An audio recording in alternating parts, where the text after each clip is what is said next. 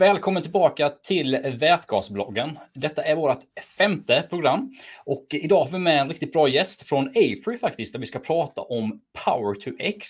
Och det är då Pedro eh, Raposo som är med oss här. Och eh, vill passa på att välkomna dig Pedro och eh, tänkte jag skulle ge dig möjligheten att börja med att presentera dig själv och eh, Ja, superkul att vara här idag. Eh, Pedro Pose är mitt namn och eh, jobbar på Afree sedan två år tillbaka. Eh, egentligen är jag kemiingenjör och eh, har faktiskt en bakgrund eh, med vätgas i 15 år. Jag har haft förmånen av att jobba med eh, forskning och utveckling av eh, elektrolysören. Sen har jag varit inblandad i många av vätgasprojekt utomlands, men såklart i Sverige som vi känner till. Eh, och på AFRI då ansvarar jag för kompetens, affärsutveckling och projekt eh, inom Power to X och vätgas. Mm. Och för de som inte känner till AFRI, vi är ett konsult, ett tekniskt konsultbolag eh, som jobbar med infrastrukturprojekt och eh, processindustrier och eh, digitalisering bland annat. Mm. Just det. Och, eh, det kommer ju alltid nya sådana här eh, ord för allting. Power to X, det, det, är inte helt nytt för mig, men det är ganska nytt för mig också. Så jag tänker liksom, om du för eh, lyssnare och tittare på ett eh, hyfsat enkelt sätt kan förklara vad, vad betyder det här Power to X egentligen?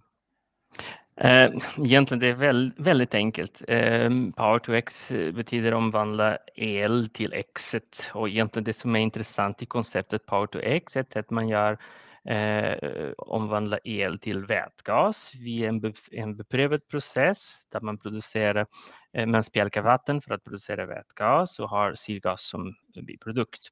Och sen när man omvandlar eh, vätgas till exit, det är det kanske som är jätteintressant. Och mm. exit kan vara eh, massor av olika grejer. Det kan vara ammoniak, det kan vara eh, metanol, det kan vara olika applikationer som egentligen gör att det konceptet är, är väldigt intressant.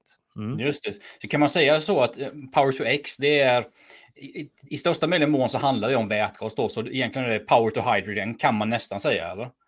Ja, det ska man kunna säga om man använder vätgas direkt, men de flesta egentligen applikationer är att man använder vätgas eh, mm. i nästa steg för att framställa och vidareförädla eh, eh, till annat. Um, vätgas som jag sa alltså produceras som via elektrolys, vilket är en beprövad process. Men det som är mer intressant i den här är hur de diverse applikationer som finns för, ehm, för vätgas. Ehm, och de applikationer, varför man pratar väldigt mycket om, om, om det är för att de är eh, eh, från eh, äh, hållbarhet och från äh, eh, dekarboniseringssynvinkel väldigt viktiga eh, när man använder vätgas. Så, så, så helt enkelt beskrivet, man omvandlar el till vätgas och sen vidareförädlar vätgas till exet. Men det skulle man kunna teoretiskt använda vätgas precis som det är. Mm. Ja, just det. Du sa ju där då vätgas till ammoniak och, eh, och till metanol och sånt där. Det är ju ett väldigt, väldigt spännande ämne som eh, jag har skrivit lite om på vätgasbloggen. Um, är det de här två som är de primära, skulle du säga, ammoniak och metanol? Um, om vi tittar i Sverige, uh, det skulle jag säga nästan att man använder mestadels, eller det man kommer att göra i gränsstål. Man använder vätgas som mm. reduceringsmedel för järn, en process som kallas Direct Reduction of Iron eller DRI. Ehm, ehm, det är egentligen främst det som är i, i dagsläget eh, är högst aktuellt i agenda i Sverige.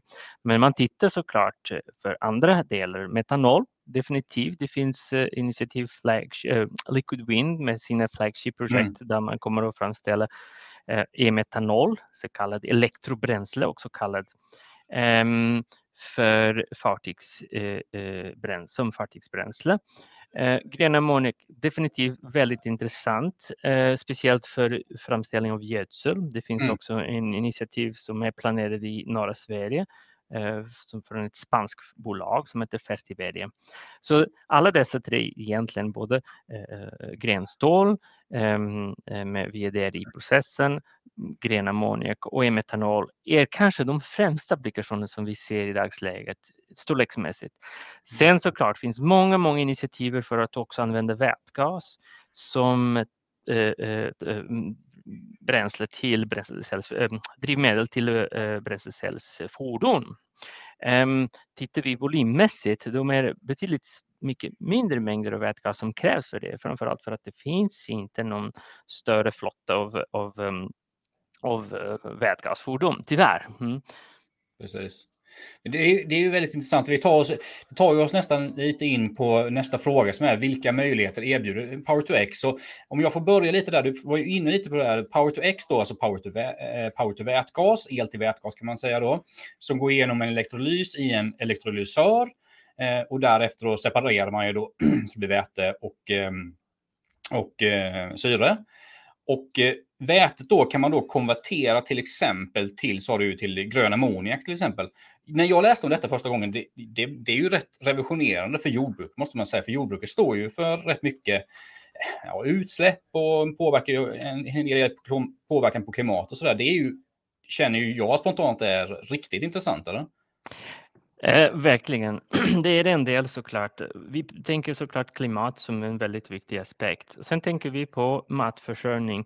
Mm. Eh, som, som, som du vet och många vet eh, Eh, största delen av ammoniak och eh, som produceras i världen kommer från eh, Ryssland. Precis. Ryssland är en av världens största exportörer av ammoniak och gödsel också. Och naturligtvis, man har man har producerat väldigt mycket ammoniak, men den ammoniak som har producerats hittills är faktiskt producerad med reformering av naturgas som mm. också i sin tur orsakar stora klimat, CO2-utsläpp. Mm. Utsläpp. Det som händer är att när vi med kriget i Ukraina, det har blivit man, man har alltså i princip äh, stängt av alla relationer med, med, med, Ryssland och det betyder att det finns inte en, en tillförsel av både naturgas och som man kan eh, använda för att framställa ammoniak. Och det finns inte heller ammoniak som slutprodukten. Det innebär att många länder i dagsläget faktiskt ser ett brist på ammoniak och gödsel.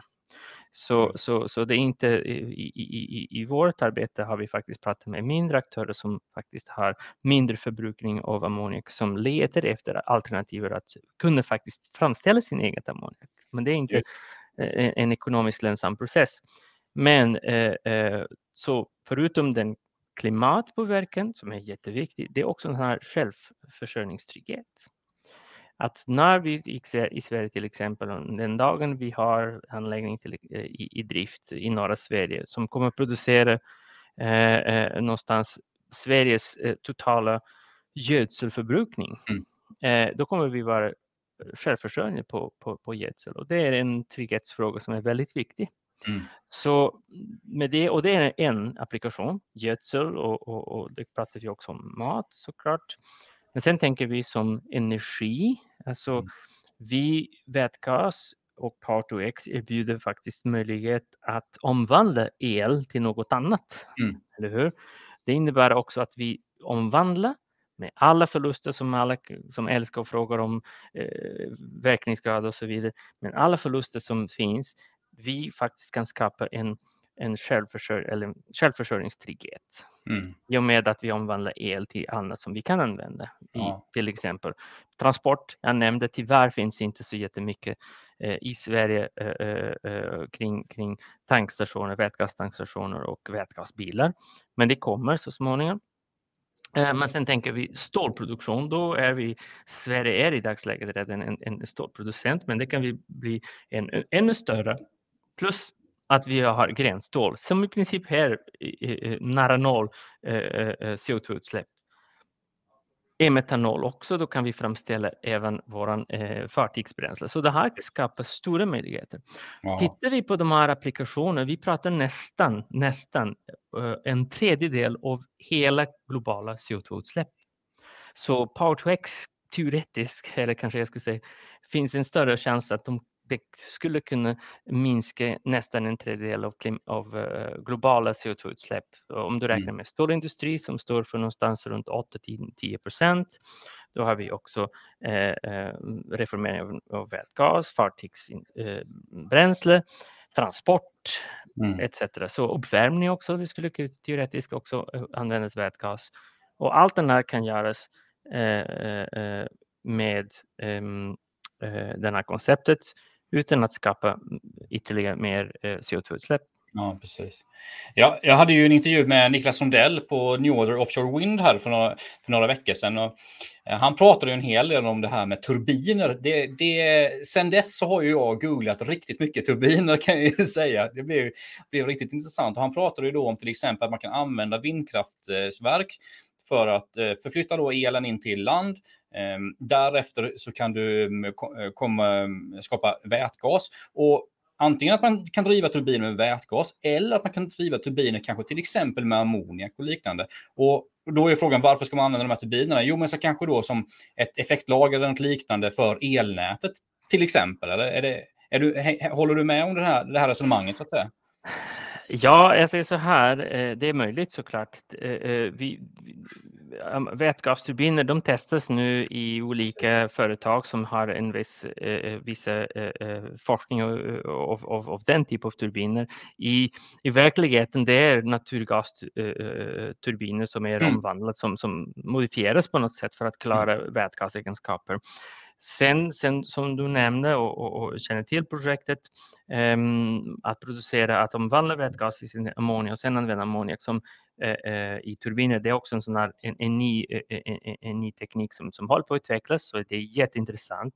Mm. och jag kan nämna också något annat som, som vi i de projekt som vi jobbar med, vi tittar faktiskt, vi gör väldigt många strategier och marknadsanalyser och vi tittar lite grann på kostnader och vad innebär hela eh, eh, eh, eh, eh möjliga affärer. Vi ser till exempel att en, en, en stor tendens nu att producera vätgas i stor skala. Mm. I andra delar av världen som där man kan producera väldigt billig vätgas, grön mm. vätgas från mm. sol mm. Eh, med, och, och, vind eh, eh, som primära eh, energikällor. Stora mängder vätgas omvandlat till ammoniak och sen transportera med fartyg till andra delar av världen. Mm. Och sen antingen använda ammoniak som det är eller göra det som man kallar för ammoniacracking, alltså att omvandla tillbaka ammoniak till vätgas. Exakt, exakt. Och det, det, det är intressant i den här, det känns som en väldigt komplicerad, men när du producerar så pass billig vätgas och så stora mängder, då faktiskt det lönar sig. Så det har vi mm. gjort flera studier som tittar och pekar åt det här och det är jätteintressant. För, för mig som är lite skeptisk och jobbar som, så mycket med elektrolys i så många år, mm. då blir det som bara, kan det verkligen finnas någon, någon, någon potential i den här? Men ja. alla studier som görs det nu, det faktiskt pekar åt det. Mm. Det finns ju en del som, som hävdar då att eh, om man, när man producerar vätgas och sen konverterar den till ammoniak, att konvertera tillbaka den skapar för mycket förluster. Är, är, håller du med om det eller, liksom, eller är det någonting som börjar mm. förändras? Eller? Alltså det är så här, alla omvandlingar man gör, det skapar förlust. Det, det blir förluster. Om du tänker till exempel elektrolys, vi pratar någonstans en verkningsgrad mellan 60 70 procent. Mm. Eh, så då, då, då förlorar vi runt 30-40 procent en del av den förlusten kan du faktiskt nyttja i form av spillvärme, kan du faktiskt mm. uppgradera den med hjälp av värmepumpar etc. etc. Så det finns vissa förluster, vissa kan du ta reda på, ta vara på och sen andra kan du inte. Ska du omvandla sen vätgas till el igen via en bränslecell, då är det 50 mm. procent, så det mm. innebär att 50 procent, 70 procent, så då har du betydligt stora förluster. Ammoniak har vi också en förlust när det gäller energi. Du måste tillsätta energi och en katalysator för att kunna framställa eh, ammoniak. Du måste komprimera gas. Du måste också eh, eh, eh framställa kvävgas för att reagera med vätgas etc. Så alla dessa processer finns förluster rent energimässigt. Men tittar du traditionellt till exempel, man ska inte glömma att tittar du på traditionell oil, oil and gas som vi kallar det mm. finns också sådana stora förluster i den processen, inte minst ja, ja, förbränningsmotorer. Så allt är relativt och det är klart att ska vi titta enbart på den här, då tror jag att någonstans kommer man hitta alltid som någon som pekar emot. Men mm. det måste vi tänka på att vi pratar om teknik som faktiskt sänker hela globala koldioxidutsläpp och det måste vi jobba med det. Mm. Det jobbar vi. Så att peka åt förluster, då känns nästan som att man vill som, ta bort lite fokus och, och, och, och främja andra tekniker, tycker jag. Mm. Vi behöver alla möjliga tekniker för att hjälpas åt och, och, och sänka koldioxidutsläpp. Det borde vara varenda människors primärmål. Eh, sen såklart, vissa länder har inte den ekonomiska möjlighet till att satsa mm. på det. Det är helt klart. Men de som kan borde verkligen visa vägen för de andra så att det blir också, desto mer man investerar i den här i framtiden, då kommer de här kostnaderna också bli mindre och mindre såklart. Just det. Du, eh, tänker vi ska gå vidare här med eh, nästa fråga. Då. Jag har, har ju skrivit ner en fråga här som du har fått också. Vilka är de största utmaningarna med Power2X? Handlar det om detta, de här grejerna om konverteringen? Handlar det om ah, mängden el? Eller vad skulle du säga är de största, med, största utmaningarna med hela konceptet? Jag kanske börjar med det positiva. Det här elektrolysen är en väldigt beprövad teknik. Eh, alkalisk elektrolys har funnits i över 100 år. Mm. Vi tittar på anläggningar av 300 megawatt som har byggts för 100 år sedan ungefär. Eh, och inte i dagsläget finns lika stora. Det hålls på att projektera och planera och så vidare större än så. Eh, så det är beprövad teknik, så det är väldigt positivt. Framställning av ammoniak också. Det är också en beprövad teknik med, med över 100 år teknik men de största utmaningar som vi ser, och du nämnde en av dem, det är faktiskt tillgång till grön elektricitet. Det är mm. klart, vi pratar om i dagsläget, jag tror att nästan varje vecka man har på nyheterna, eh, högst aktuellt, eh, stort press till regeringen att det ska finnas en snabb anslutning till eh, eh, vårt elnät. Det är en stort hinder. Jag ser och vi pratar med olika aktörer som vill etablera sig i Sverige som faktiskt ifrågasätta om de ska verkligen etablera sig i Sverige eller andra länder. Varför? Ja, men för att eh, nätanslutning är en, en lång process. Eh, eh, så det, det är inte lätt för alla, men det ska vi faktiskt se som en, en av de största utmaningarna. Både tillgängligheten och mm. själva mm. anslutning till, till nätet är en, en, en problem, eller en utmaning skulle jag säga. Mm. Sen ser vi, vi på AFI, vi jobbar jättemycket med, med kompetens. Så våran, egentligen, våran produkt är, vi levererar ingen teknik, vi levererar i princip eh, eh, inga produkter, så vi levererar tjänster, vi, till, vi, vi levererar ingenjörstjänster och, och projekt eh, och projektering av olika anläggningar. Så vi baserar våran, våran erbjudande på mycket kompetens och det ser vi som en stor utmaning faktiskt. Eh, ehm, det har faktiskt jag flaggat för flera år sedan. Jag ser att när de första vätgas, eh, bara stora anläggningar bara projekterades, det mm. och inser att det finns inte i Sverige ett behov för den typ av kompetens.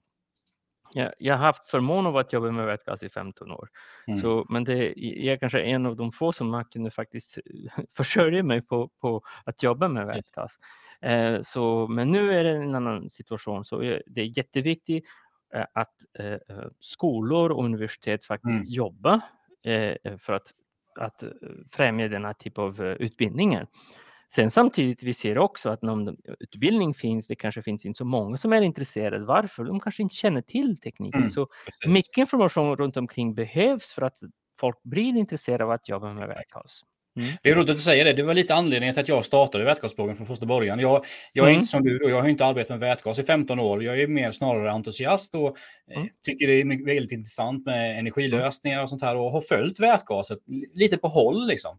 Men man har ju också hört debatten och kanske de fördomarna som finns mot vätgas. Och så, så det var lite därför jag startade vätgasbloggen, för att jag ville ha liksom en mer nyanserad bild och även mm. liksom lättillgänglig information då, så som när du och jag pratar här, att vad ska man säga, nu gör, er som lyssnar så gör jag ett citattecken nu, liksom vanliga människor förstår det här också. Man behöver mm. inte vara kemiingenjör eller liknande. Mm, mm, mm, ja. Och jag tycker det, det, är jättebra. Det är faktiskt en jättebra initiativ som, som jag, jag tycker också. Jag jobbar väldigt mycket och informerar och, och, och göra olika föreläsningar just för att jag tycker det är viktigt att det finns en information jag försvarar en opartisk information för att, och, mm. och, samtidigt som jag jobbar som, som i ett konsult och ingenjörsföretag, vi är opartiska. Vi främjar ingen specie, specifik mm. teknik. Mm. Eh, och, och, vi ser tyvärr att många såklart, vissa leverantörer av teknik, de främjar sin egen produkt ja. och ibland ja, det är bra, men samtidigt ska vi vara, försöka vara opartiska och, och, och se att det här är ett system som vi behöver bygga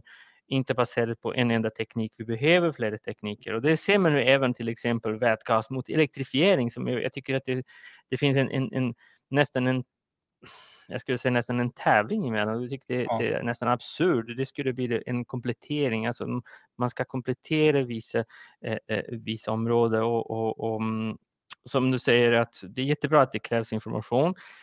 En utmaning ser jag till exempel är det brist på information och, och, det ser man kanske. Nu börjar man nog höra om vätgas väldigt mycket. Jag minns när jag kom till, till norra Sverige första gången när jag pratade om vätgas. Alla tittade på mig och var väldigt förvånade. Tyckte vad, men det finns, vad är det för någonting? Och jag pratade med olika redan då med olika företagsledningar och berättade om att speciellt i norra Sverige det fanns unika förutsättningar för att kunna faktiskt bygga en vätgassamhälle och det känns som då man misstänkte att det här kommer inte att gå, det finns inte, vad finns för potential och så vidare. Och redan då, då hade man idéer av att starta exempelvis Hybrid, så, så, så, så mm. det var som en projekt som låg redan i, i, i, som, ja, i embryofas. Så potential har funnits länge, men tyvärr den här acceptans, acceptans har inte funnits. Har inte funnits. Sen ser också rent från politik, det är bara kanske de senaste åren som har satsat jättemycket Mm. Eh, Sverige saknar vätgasstrategier och sen kan man säga också Eh, utan... och, där, och där saknas det ju fortfarande en hel del kanske från, från riksdag och regeringshåll också. För att nu är ju kanske en vätgasstrategi på gång, men den är väl inte helt klar än. Men Energimyndigheten mm. har ju fått upp, uppdrag att samordna den och jag, jag, antar att du säkert har varit inblandad i den också på något sätt. Eh, jag har inte, jag deltog i, i flera intervjuer faktiskt i, i, i den strategi och um, det som egentligen händer um, är att det finns en strategi, kan man sätta hur mycket tid och pengar på en strategi, men det viktigaste med strategi är att det går att genomföra. Mm. genomföra. Så jag tror att det är egentligen det som är den utmaningen här. Uh, men en strategi utan en grund för att bygga den, det, det kan inte vara. Och i, för att bygga en vätgasstrategi krävs att det måste man tänka på elförsörjning. Mm. Så jag vet inte, jag, jag, jag, ska inte kommentera hur mycket man ska peka i, i, i, en sån strategi, men jag skulle säga att det är viktigt att det hänger ihop. Mm. Så att man annars ser man saker och ting som en block utan att se att allt finns faktiskt. Det finns en koppling mellan saker och ting. Speciellt el, el är jätteviktigt nätanslutningsprocess är jätteviktigt. För Sverige kan i dagsläget förlora väldigt många etableringar just på grund av eh, förseningar och Exakt. den kö som finns. Exakt. Och det att, att förlora en etablering för flera biljoner euro, mm. det är en stor förlust för Sverige. Ja. Det är en stor förlust, så jag tror att eh, det är viktigt och jag, jag vet att nu har faktiskt regeringen fått ett, en, en riktigt tydlig budskap uh, att det kommer att behöva accelereras för att de här investeringarna kommer att hamna någonstans. Vi ser andra länder, vi jobbar väldigt mycket med eh, projekt i Portugal och Spanien och är det en annan, helt, helt annan incentiv att kunna etablera sig. Det är mycket enklare. Det finns färdiga paket för att företag ska etablera sig för att komma och, och, och få en mycket snabbare nätanslutning. Många gånger det skapas sådana här off-grid eh, nät för att kunna skapa en mycket snabbare dialog. Mm. Eh, man erbjuder incentiv att kunna vara delägare i, i, i, i nätet, i lokala nätet eller i vindpark eller sol, solcellspark. Så det finns mycket som man kan börja på och, och, och jobba. Eh, pratar vi mycket om till miljötillstånd och tillståndsprocessen som är väldigt mm. långa. Det syns att det har blivit förbättringar faktiskt. Ja, de, de, de, de, projekt som man har sett, det har faktiskt uh, har miljötillståndsprocessen har faktiskt rullat lite snabbare. Så de har faktiskt skett en väldigt positiv förändring. Men om vi tittar till exempel i vissa länder, de faktiskt de tittar på att rent helt enkelt i vätgasanläggning, industri, industriella uh, uh, områden, då ska man slå på totalt eh, miljötillståndsprocessen. Mm. Så vissa länder går väldigt aggressivt för att man ser en mm. potential att kunna locka e-, etableringsmöjligheter. Och jag tycker att ja. Eh, det borde man också tänka i Sverige. Exakt. Ja, det, är, det är ett väldigt aktuellt ämne detta. Nu, nu sitter väl du uppe i Stockholm tror jag. Jag sitter ju nere i, Malmö i SE4 här. Och jag pratar ju, jag har jobbat inom industrin i många år och det är ju så att man träffar ju på mycket företagare och bolag som har väldigt stora problem med detta. Så precis som du säger med investeringar, för man får helt enkelt inte den effekten man vill ha då från elnätsleverantören och sånt här. Och, eh, kan det här vara en del, och precis som du var inne på innan, nu är inte det här en lösning för allting, men om man får en bra mix av det här så skapar det ju ändå stora möjligheter för många delar av Sverige och hela Sverige för den delen skulle jag säga också. Helt rätt. Eh, och du sa ju det att eh, Afrin är ju ett eh, konsultbolag kan man ju säga då, va? Där ni eh, är experter på vissa områden. I det här fallet är det du då som är expert på Power 2 X med, tillsammans med dina kollegor. Och det tar oss in, in lite på eh, vår sista fråga här. Om, om du kan ge oss några riktigt spännande konkreta exempel på, på Power 2 X-projekt så att säga som du har varit inblandad i eller som du känner till eller något liknande? Tyvärr de flesta projekt som vi är inblandade är konfidentiella. Vi har väldigt ah! strikta. Eh, men jag kan nämna några som, som uh, det har släppts en, en officiell pressrelease. En av dem är vi, vi jobbar med det som kallas för feed engineering. Det är en, en, en, en projektering av en anläggning som kallas för Flagship 2, Liquid Winds Flagship 2 i Sundsvall. Eh, det är eh, eh, ett projekt där vi jobbar tillsammans med Liquid Wind och andra, andra aktörer. Ehm, och sen eh, har vi också eh, ett projekt tillsammans med Fortum i Finland där vi projekterar en 700 megawatt elektrolysanläggning. Så, så det är eh, faktiskt en, en jättereferens för oss. Var det den som kom på eh, pressrelease idag? Eller? Det det kom precis för någon dag sedan. Ja, precis. Bra. Mm, ja. Mm. Så det är ett väldigt spännande projekt som vi har varit inblandade i i, i, i några månader och eh, det gör oss lite skillnad till våra konkurrenter att vi jobbar med de här verkligen unika stora anläggningar. Eh, det, det, är lite unikt och jag tror att det är därför vi, vi, vi har den fördelen. Vi har jobbat i andra rätt stora eh, projekt och, och, och, nu har vi fått förtroende att jobba med en till sådant projekt. Det är en väldigt utmaning som jag nämnde. Många av dessa anläggningar har aldrig projekterats förut, så våra mm. ingenjörer har faktiskt förmånen att kunna faktiskt eh, jobba med det vi kallar för large scale engineering, alltså och uppskalning av projekt som egentligen antingen har funnits i en PowerPoint eller i en, en, mm. en AutoCAD-ritning. Det här är framtiden för, att, för ingenjörer. Så tillbaka till det här med kompetens. Eh, det förvånar mig att, eh, att det finns fortfarande många som inte vet vad det innebär att jobba med vätgas. Men jag tror att, att när man faktiskt börjar och, och förstår potential och, och utmaningar att jobba med vätgas är, är, är väldigt, väldigt roligt. Precis. Du, och du var inne på lite, jag ska köra lite följdfrågor där. På, du var inne på kompetens mycket innan och när du började arbeta med detta så sa du då, var, då fanns det ingen kompetensbrist. Men nu finns det tydligen en stor kompetensbrist inom det här området. Och skulle du säga att detta är ett stort hot då, så att säga mot för framtiden eller utmaning mot framtiden för att hitta de här människorna då som ska arbeta med Power to X eller vätgas eller ja, elektrobränslen eller vad det kan vara? Ja, det är faktiskt, ehm, jag skulle säga, en, en stor utmaning. Vi ser i dagsläget i projekt till exempel, vi jobbar med projekt till exempelvis i Sverige och då har vi redan i dagsläget använder specialister som finns i Spanien eller i mm. Italien eller i, i, i Finland. För vi hittar inte dem här i Sverige till exempel. Så vi jobbar väldigt mycket med virtuella eh, eh, nätverk i vår AFR. Vi har nästan 20 000 anställda, så vi har den möjlighet att kunna eh, eh använda resurser som finns eller specialister som finns eh, eh i andra länder. Mm.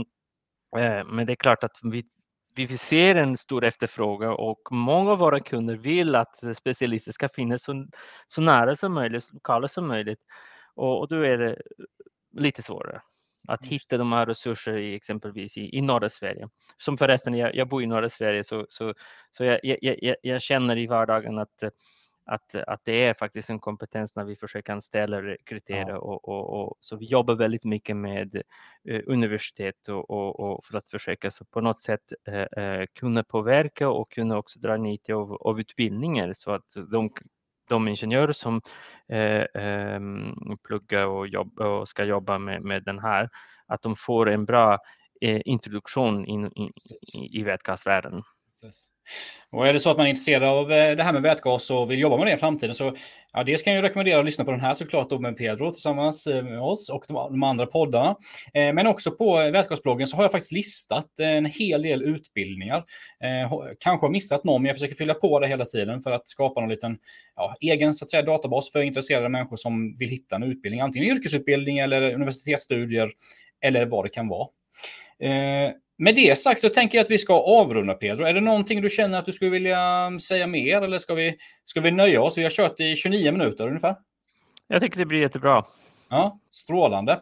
Och eh, i det här avsnittet har vi alltså snackat om eh, Power to X med Pedro Raposo från Afree. Tack så jättemycket Pedro för detta. Tack själv. Tack så mycket. Hej då.